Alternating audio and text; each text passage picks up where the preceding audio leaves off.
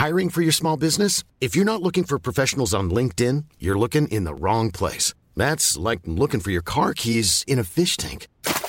LinkedIn helps you hire professionals you can't find anywhere else, even those who aren't actively searching for a new job but might be open to the perfect role. In a given month, over 70% of LinkedIn users don't even visit other leading job sites. So start looking in the right place. With LinkedIn, you can hire professionals like a professional. Post your free job on linkedin.com slash people today.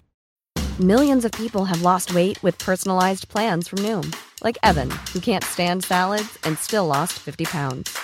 Salads generally for most people are the easy button, right? For me, that wasn't an option. I never really was a salad guy. That's just not who I am. But Noom worked for me.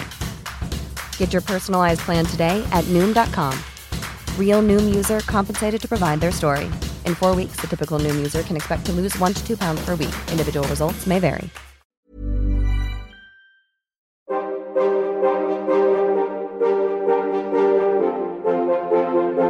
Oudheid is fascinerend. Een enorme puzzel waarvan we stukjes hebben. En heel veel stukjes ook niet. Al op de basisschool trokken de verhalen over het oude Egypte, de Romeinen, Griekse mythen, het oude China en het onderzoek naar al die oude culturen en mensen me als een magneet naar zich toe. En ik wil meer. Graag neem ik, Timo Epping, je in deze podcastserie mee op reis naar het verre verleden. Ik ga in gesprek met wetenschappers die ons in iedere aflevering een uurtje meenemen in hun eigen onderzoek. Hun eigen zoektocht naar de oudheid. Het is tijd voor de oudheid.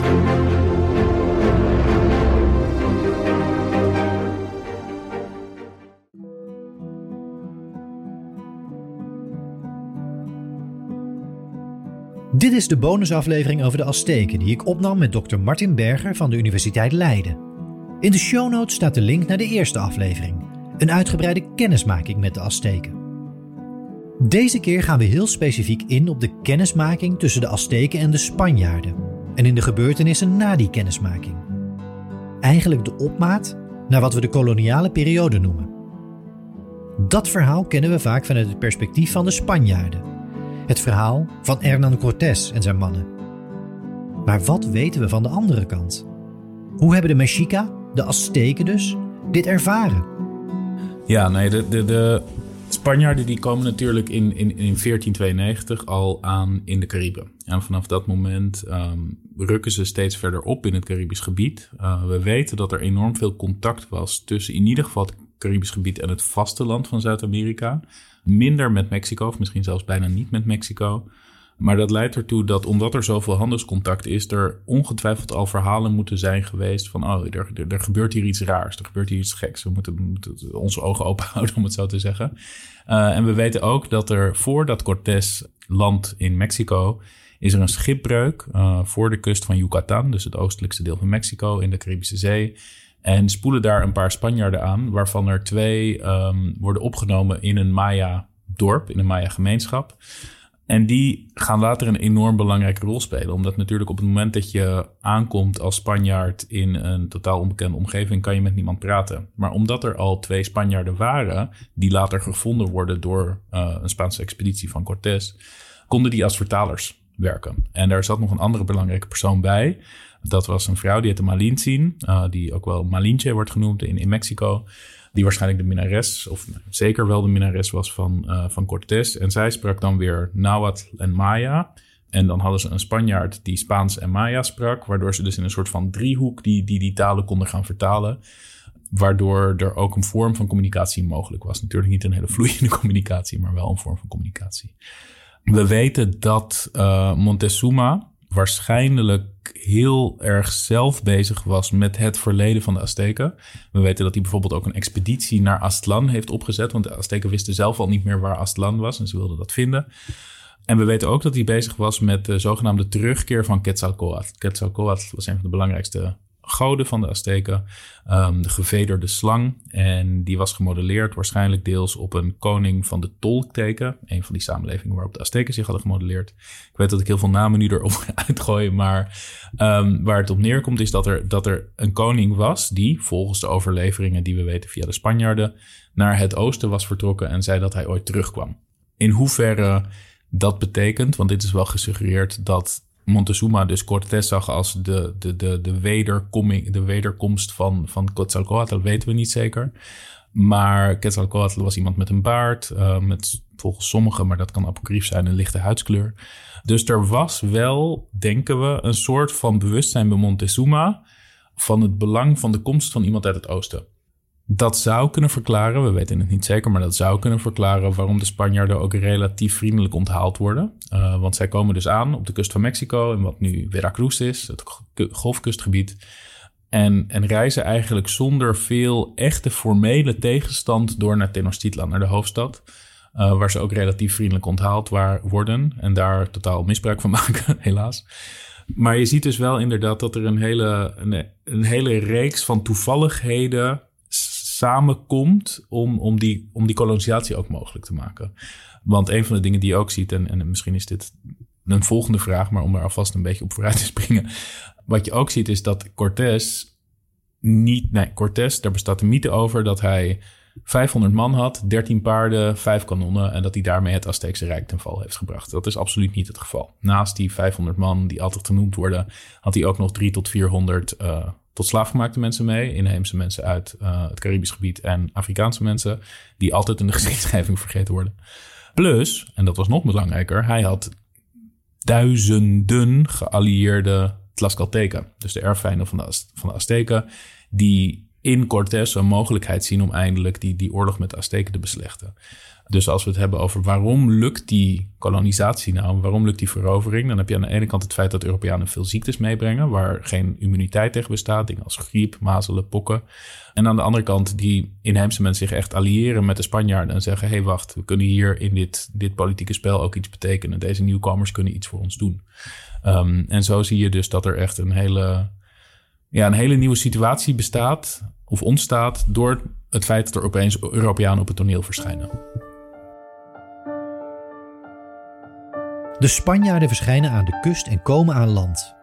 Mensen zien elkaar. Er ontstaat contact. Op verschillende manieren uiteraard. Maar werden de Spanjaarden door de Azteken, maar ook bijvoorbeeld door hun erfvijanden echt gezien als een nieuwe speler in dat diplomatieke geheel? Of waren de Spanjaarden toch vooral onbekende buitenstaanders? Maar ik denk dat het ergens een beetje tussenin zit. Um, aan de ene kant moet de aanblik van Europese schepen en vooral ook paarden, zoals we weten uit de beschrijvingen, en, en kanonnen en buskruid en zo, voor inheemse mensen daar een soort van buitenaardse ervaring bijna zijn geweest. Zo van, oké, wat gebeurt hier in vredesnaam? Um, tegelijkertijd denk ik dat mensen de, de tegenwoordigheid van geest hadden om heel snel zich te realiseren: oh, wacht, hier kunnen we gebruik van maken. Van die buitenaardsheid ook. Dus het is. Um, ja, het is. En, en tegelijkertijd, wat ik net zei, er spelen dus ook een, een hele soort van biologische context. waarin uh, de, de, lokale mensen helemaal geen immuniteit hebben tegen, ziektes die heel vanzelfsprekend zijn in Europa. Waardoor de bevolkingssterfte echt ongelooflijk is. De schattingen lopen uiteen tussen 50, 50% en 95% van de mensen die omkomen. We weten uit volkstellingen dat er in, um, in Mexico in 1521, ik zeg uit mijn, uit mijn hoofd 25 miljoen mensen wonen. Dat kan ik een beetje verkeerd hebben, maar wat we wel weten is dat de volkstelling 150 jaar later ongeveer 620.000 mensen aangeeft in dezelfde regio. En dat de hoeveelheid mensen pas weer op hetzelfde niveau terugkomt in 1960. Uh, dus dat is echt de sterfte die je moet voorstellen. En natuurlijk is het voor de Spanjaarden ook in zo'n um, zo'n context veel makkelijker om iets te veroveren. Want ja, als, als jij om je heen al je familie ziet sterven, nou ja, ten eerste maakt dat dat je in een bepaalde state of mind bent, waardoor je denkt, nou, waar vecht ik nog voor, denk ik. Kan ik mij zo voorstellen als mens zijn. En tegelijkertijd valt alle organisatie weg, natuurlijk. Je kan je, kan je als staat niet organiseren als iedereen om je heen bij bosjes neervalt. Um, dus de, de Spanjaarden wat dat betreft enorm geluk uh, dat ze dat onwetend dat meebrachten. Bizarre aantallen. Nauwelijks voor te stellen, die enorme sterfte onder de lokale bevolking. We begonnen deze bonusaflevering met de eerste kennismaking in 1519. De Spanjaarden worden daar door Montezuma best hartelijk ontvangen. En vanaf dat moment pakt Martin het verhaal weer op. Nou, je ziet inderdaad dat, dat nou, de, de Spanjaarden die komen dus aan in Tenochtitlan. Die vestigen zich daar. Die krijgen een, een, een huis van, van Montezuma. Um, een paleis zelfs eigenlijk. Maar je ziet dat ze nee, ze zijn natuurlijk constant op zoek naar uh, goud. Dat is één, wat op een gegeven moment een beetje op de zenuw van de Azteken begint te werken. Plus, ze zijn um, heel overtuigd christen. En er komen uit ook echt die mindset van de inquisitie. Dat is, niet, dat is heel belangrijk om dat niet te vergeten. Dat op diezelfde tijd spelen inderdaad de heksenverbrandingen, de inquisitie, de, de herovering van Spanje op de uh, Arabieren vindt ook plaats. Dus die, die Spanjaarden komen echt uit een soort van mindset van idolatrie en heidenen en, en die moeten we bevechten, et cetera. En die mindset die nemen ze mee naar de Amerika's.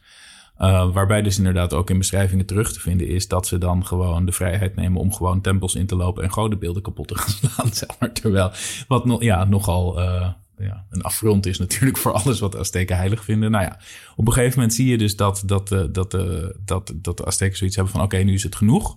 Um, dan vallen ze inderdaad ook de Spanjaarden aan. De Spanjaarden lukte deels om te vluchten en zich terug te trekken in, um, in wat verder weg van, van, van Tenochtitlan dat bouwen ze, ze, ze, herstellen zich daar, ze bouwen zich weer op. En, en dan vinden ze dus al die lokale geallieerden ook om te zeggen van oké, nu gaan we met z'n allen Tenochtitlan aanvallen. Op dat moment, we weten natuurlijk, want dit zijn allemaal, alles wat ik zeg is gebaseerd op Spaanse bronnen. Dus het is allemaal heel gekleurd. Um, maar we weten dat Montezuma op een gegeven moment gevangen wordt door de Spanjaarden. Er wordt gezegd dat hij ook gezien werd als een verrader door de Azteken, omdat hij juist zo zich vriendschappelijk had verhouden in eerste instantie met de Spanjaarden. Dus niet meteen gewoon allemaal een kopje kleiner had gemaakt. Zwak leiderschap. Ja, zwak leiderschap inderdaad. Uh, Montezuma komt dan te overlijden. Uh, er wordt gezegd dat dat is doordat er een steen vanuit de menigte, door de Azteekse menigte, op zijn hoofd wordt gegooid. Dat hij komt te overlijden. Wordt ergens in een rivier in een beekje gegooid. Of nee, in een sloot waarschijnlijk eerder.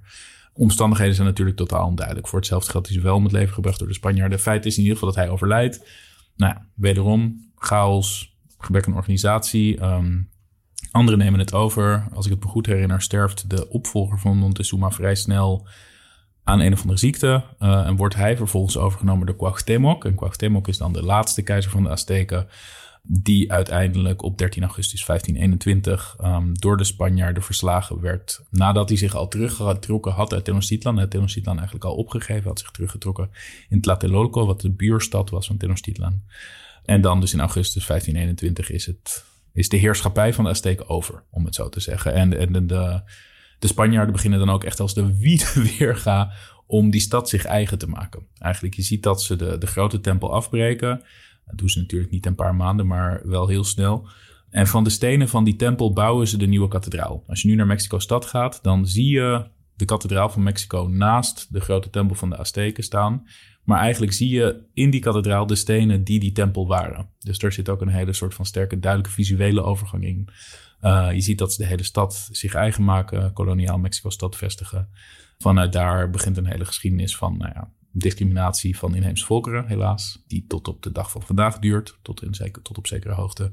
Waarbij desondanks de, de soort van, ja, hoe zeg je dat, de vitaliteit en de weerstand van inheemse volkeren toe heeft geleid dat er dus tegenwoordig toch nog steeds miljoenen mensen zijn die de talen spreken, die de cultuur aanhouden. En die, ja, die een weg hebben gevonden in dat koloniale systeem eigenlijk. En dat, uh, dat is denk ik toch wel ook een soort van eerbetoon aan, aan, de, ster aan de kracht van die inheemse culturen. En dat is de conclusie van een interessant verhaal. Maar ook een verhaal met tot op de dag van vandaag een hele pijnlijke, scherpe kant. Een verhaal om niet uit het oog te verliezen. Tot slot van deze bonusaflevering. Martin, wat loopt op dit moment qua onderzoek? Qua eigen onderzoek wellicht ook wel? Ja, nou, ik ben, ik ben zelf, zoals gezegd, geen veldarcheoloog. Dus ik doe niet aan opgaven meer. Um, wat ik wel doe, is heel inderdaad nauw, nauwgezet het nieuws volgen rondom wat er nu uit Mexico-stad komt. Uh, Mexicaanse archeologie staat echt academisch gezien op een extreem hoog niveau. Zijn mensen met echt een fantastische opleiding, enorm goede laboratoria, veel kennis, zowel theoretisch als praktisch. En wat je ziet is dat um, er is een, een, project in het centrum van de stad. Uh, het heet het Proyecto de Arqueologia Urbana, waarbij dus eigenlijk het hele oude koloniale centrum van, van Mexico wordt opgegraven. Um, voor zover dat mogelijk is in kelders van oude koloniale gebouwen die zelf ook monumenten zijn. Um, plus het Proyecto Templo Mayor, dus het, het, project van de grote tempel, van de grote piramide. Um, en daar komt, nou ja, ik wil niet zeggen elke week, maar wel bijna elke week komt daar weer iets ongelooflijks naar boven. Is het een, een, een offer met daarin 10.000 zeesterren? Of is het een wolf die helemaal bedekt is met goud? Of is het wat dan ook? Echt, echt, echt ongelooflijke dingen. Die ook weer die luxe laten zien waarin, waarin mensen leefden eigenlijk in, in die tijd. ja, nee, ik kan alleen maar de luisteraar aanraden om daar even ook naar te gaan kijken naar plaatjes daarvan. Die vind je ook in Nederlandse kranten, ook in Engelse kranten. Dus je hoeft niet alleen Spaans ervoor te spreken. Qua verwachtingen, uh, ik denk dat er nog een hele tijd zal doorgaan. Dat er elke week iets ongelooflijks zal worden gevonden. Simpelweg omdat er zo'n enorme rijkdom was in deze cultuur. Die ook constant, consistent aan de goden werd geofferd, die rijkdom. En omdat dat gebeurde in luchtdicht afgesloten stenen kisten in een ondergrond die heel goed is voor de conservering van archeologisch materiaal, denk ik dat er nog heel veel hele mooie dingen gevonden gaan worden in de komende jaren.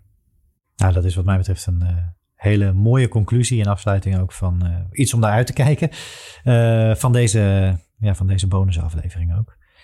Ja, ik wil je eigenlijk tenslotte alleen maar heel hartelijk bedanken voor voor de rijkdom aan verhalen en, en inzichten. Dank daarvoor. En daarmee kwamen we aan het eind van onze reis naar het Rijk der Azteken, of het Rijk van de Mexica. Een interessante kennismaking met een volk en een gebied waar voor mij en ongetwijfeld nog voor heel veel andere mensen nog zoveel te ontdekken was en is. Het verhaal van Martin was voor mij een hele mooie stap in dat deel van de oudheid.